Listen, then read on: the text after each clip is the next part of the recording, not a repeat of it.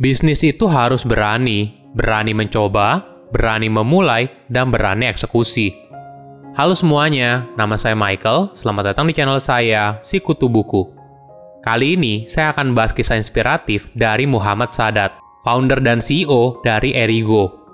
Beberapa waktu lalu, Erigo sempat heboh di media sosial saat iklannya terpasang di salah satu gedung yang berlokasi di destinasi ikonik Times Square, New York, Amerika Serikat. Berawal dari 11 orang, sekarang bisa berbangga atas pencapaiannya hingga ke negeri Paman Sam.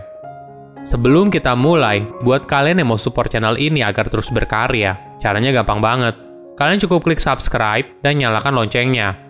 Dukungan kalian membantu banget supaya kita bisa rutin posting dan bersama-sama belajar di channel ini. Muhammad Sadat lahir pada tahun 1990. Sejak SMA, Sadat memang sudah tertarik dengan dunia bisnis namun, ketika dia berkuliah saat tahun 2010, Sadat baru bisa merealisasikan mimpinya untuk menjalankan bisnis sendiri. Perjalanan bisnis Erigo dimulai pada tahun 2011. Saat itu, Sadat pertama kali merintis usahanya di kamar bertipe studio yang ada di Depok. Waktu awal merintis, dia melakukan semuanya sendiri. Ibaratnya, dirinya merupakan CEO, Chief Everything Officer. Ini merupakan fase yang banyak dialami oleh pengusaha, Kala itu, dia membuat sebuah merek fashion bernama Selected Co. Modal awal yang dipakai juga tidak sedikit, yaitu 50 juta rupiah. Namun, karena nama merek tersebut sudah dimiliki oleh pebisnis lain, maka mau tidak mau dia harus menggantinya. Selain itu, persaingan bisnis yang sangat ketat membuat bisnisnya hanya bertahan 6 bulan.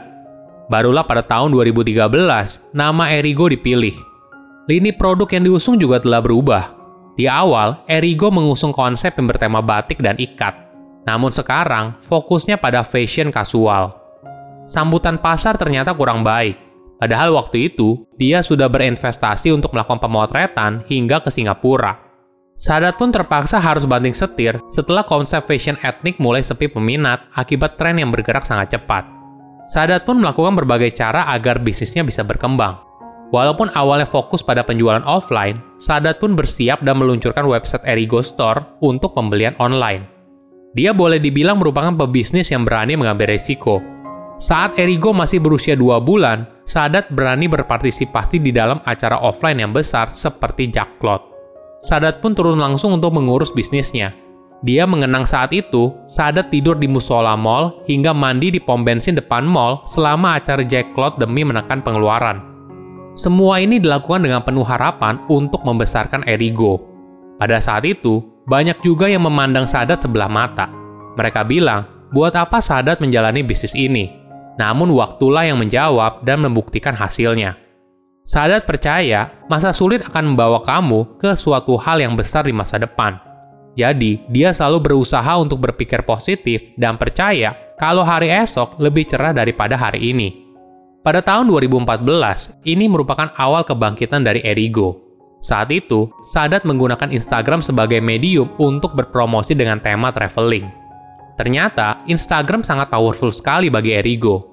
Dari yang awalnya hanya 500 followers, kemudian berkembang menjadi ratusan ribu, hingga sekarang mencapai jutaan followers.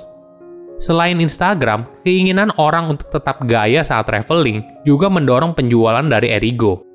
Inilah yang kemudian buat Erigo fokus pada tema fashion traveling. Pada tahun 2015, Sadat tidak main-main. Erigo meluncurkan country series di mana Erigo akan mengunjungi Jepang, Amerika Serikat, dan United Kingdom untuk melakukan pemotretan. Usahanya pun semakin besar hingga mampu mencapai omset 22 miliar rupiah.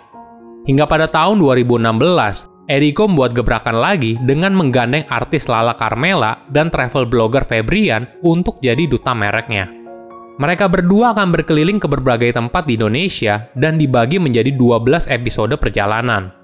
Cerita perjalanan mereka dengan Erigo lalu akan dibuat dalam bentuk video, foto, dan tulisan di blog.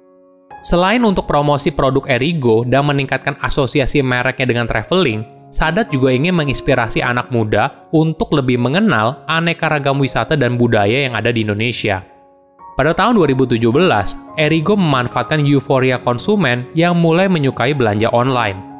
Walaupun sudah punya website sebelumnya, kali ini Sadat membuka official store Erigo di Shopee. Pertumbuhan penjualannya pun semakin lama semakin laris. Hingga pada tahun 2020, Erigo menjadi merek fashion terlaris pada Shopee 99 Super Shopping Day 2020, Top Fashion Brands di Shopee Super Awards, dan sebagainya. Dampak signifikan ini sangat terasa pada penjualan Erigo. Bahkan pesanannya tercatat tumbuh lebih dari 10 kali lipat daripada tahun sebelumnya. Memang ketika awal pandemi COVID-19, penjualan Erigo sempat turun dan terpaksa mengurangi karyawan. Namun ketika dia mendapatkan banyak penjualan dari e-commerce, maka Sadat harus menambah karyawan lebih banyak lagi. Erigo pun membuka 6 toko online resmi di Tangerang, Banjarmasin, Malang, Palembang, Yogyakarta, dan Kendari. Kerjasama Erigo dan Shopee pun berlanjut. Bukan hanya di dalam negeri saja, namun Sadat ibaratnya mendapatkan jawaban atas permintaan konsumen pada produk Erigo di luar negeri. Erigo pun ikut dalam program ekspor dari Shopee yang memudahkan UKM Indonesia untuk berjualan produk luar negeri. Selama setahun, respon yang diterima Erigo cukup positif, dan Sadat pun mendapatkan pesanan yang cukup banyak. Ini merupakan sebuah kebanggaan tersendiri, di mana merek asli Indonesia dapat berjualan produknya di luar negeri sekaligus mengharumkan nama Indonesia. Perjalanan yang dialami oleh Sadat untuk bisa ke titik sekarang juga tidak mudah, Bahkan, dirinya harus berhenti kuliah untuk fokus melunasi hutang yang menggunung. Di waktu awal berbisnis, bisnis yang dijalankan mengalami pasang surut. Sebagai contoh, saat itu Sadat mengikuti pameran di Malaysia, biaya operasional cukup bengkak hingga mencapai 25 juta. Namun, omsetnya hanya 5 juta rupiah. Sadat pun bercerita beberapa pameran yang dia ikuti. Bukannya untung, malah merugi. Misalnya saat pameran di Surabaya dan Makassar, Hal ini disebabkan biaya operasional yang tinggi untuk sewa tempat dan diskon untuk menarik pembeli. Di fase terburuknya, orang tua Sadat sempat harus jual ruko, jual aset yang mereka miliki demi mendukung usaha anaknya. Dorongan material dan doa dari orang tua, inilah yang membuat Sadat terus kuat dalam menjalani bisnis hingga bahkan berhasil masuk ke pasar Amerika Serikat pada April 2021 lalu. Ini merupakan bukti bahwa produk lokal Indonesia mampu bersaing dan punya potensi di mancanegara. Bagi Sadat, ini bukanlah pencapaian akhir, namun sebuah titik awal perjalanan untuk terus berkembang dan perluas bisnis Erigo. Kisah Sadat bisa menjadi inspirasi kita semua yang masih berjuang mengembangkan usaha. Kini, produknya tidak hanya dinikmati di dalam negeri, namun juga tersedia di berbagai negara, seperti Malaysia, Singapura, Filipina, Thailand, dan yang terbaru di Amerika Serikat. Masa sulit akan membuatmu kuat dan persiapkan kamu untuk sesuatu yang lebih baik di masa depan. Jangan menyerah dan teruslah bekerja keras meraih mimpi yang kamu inginkan.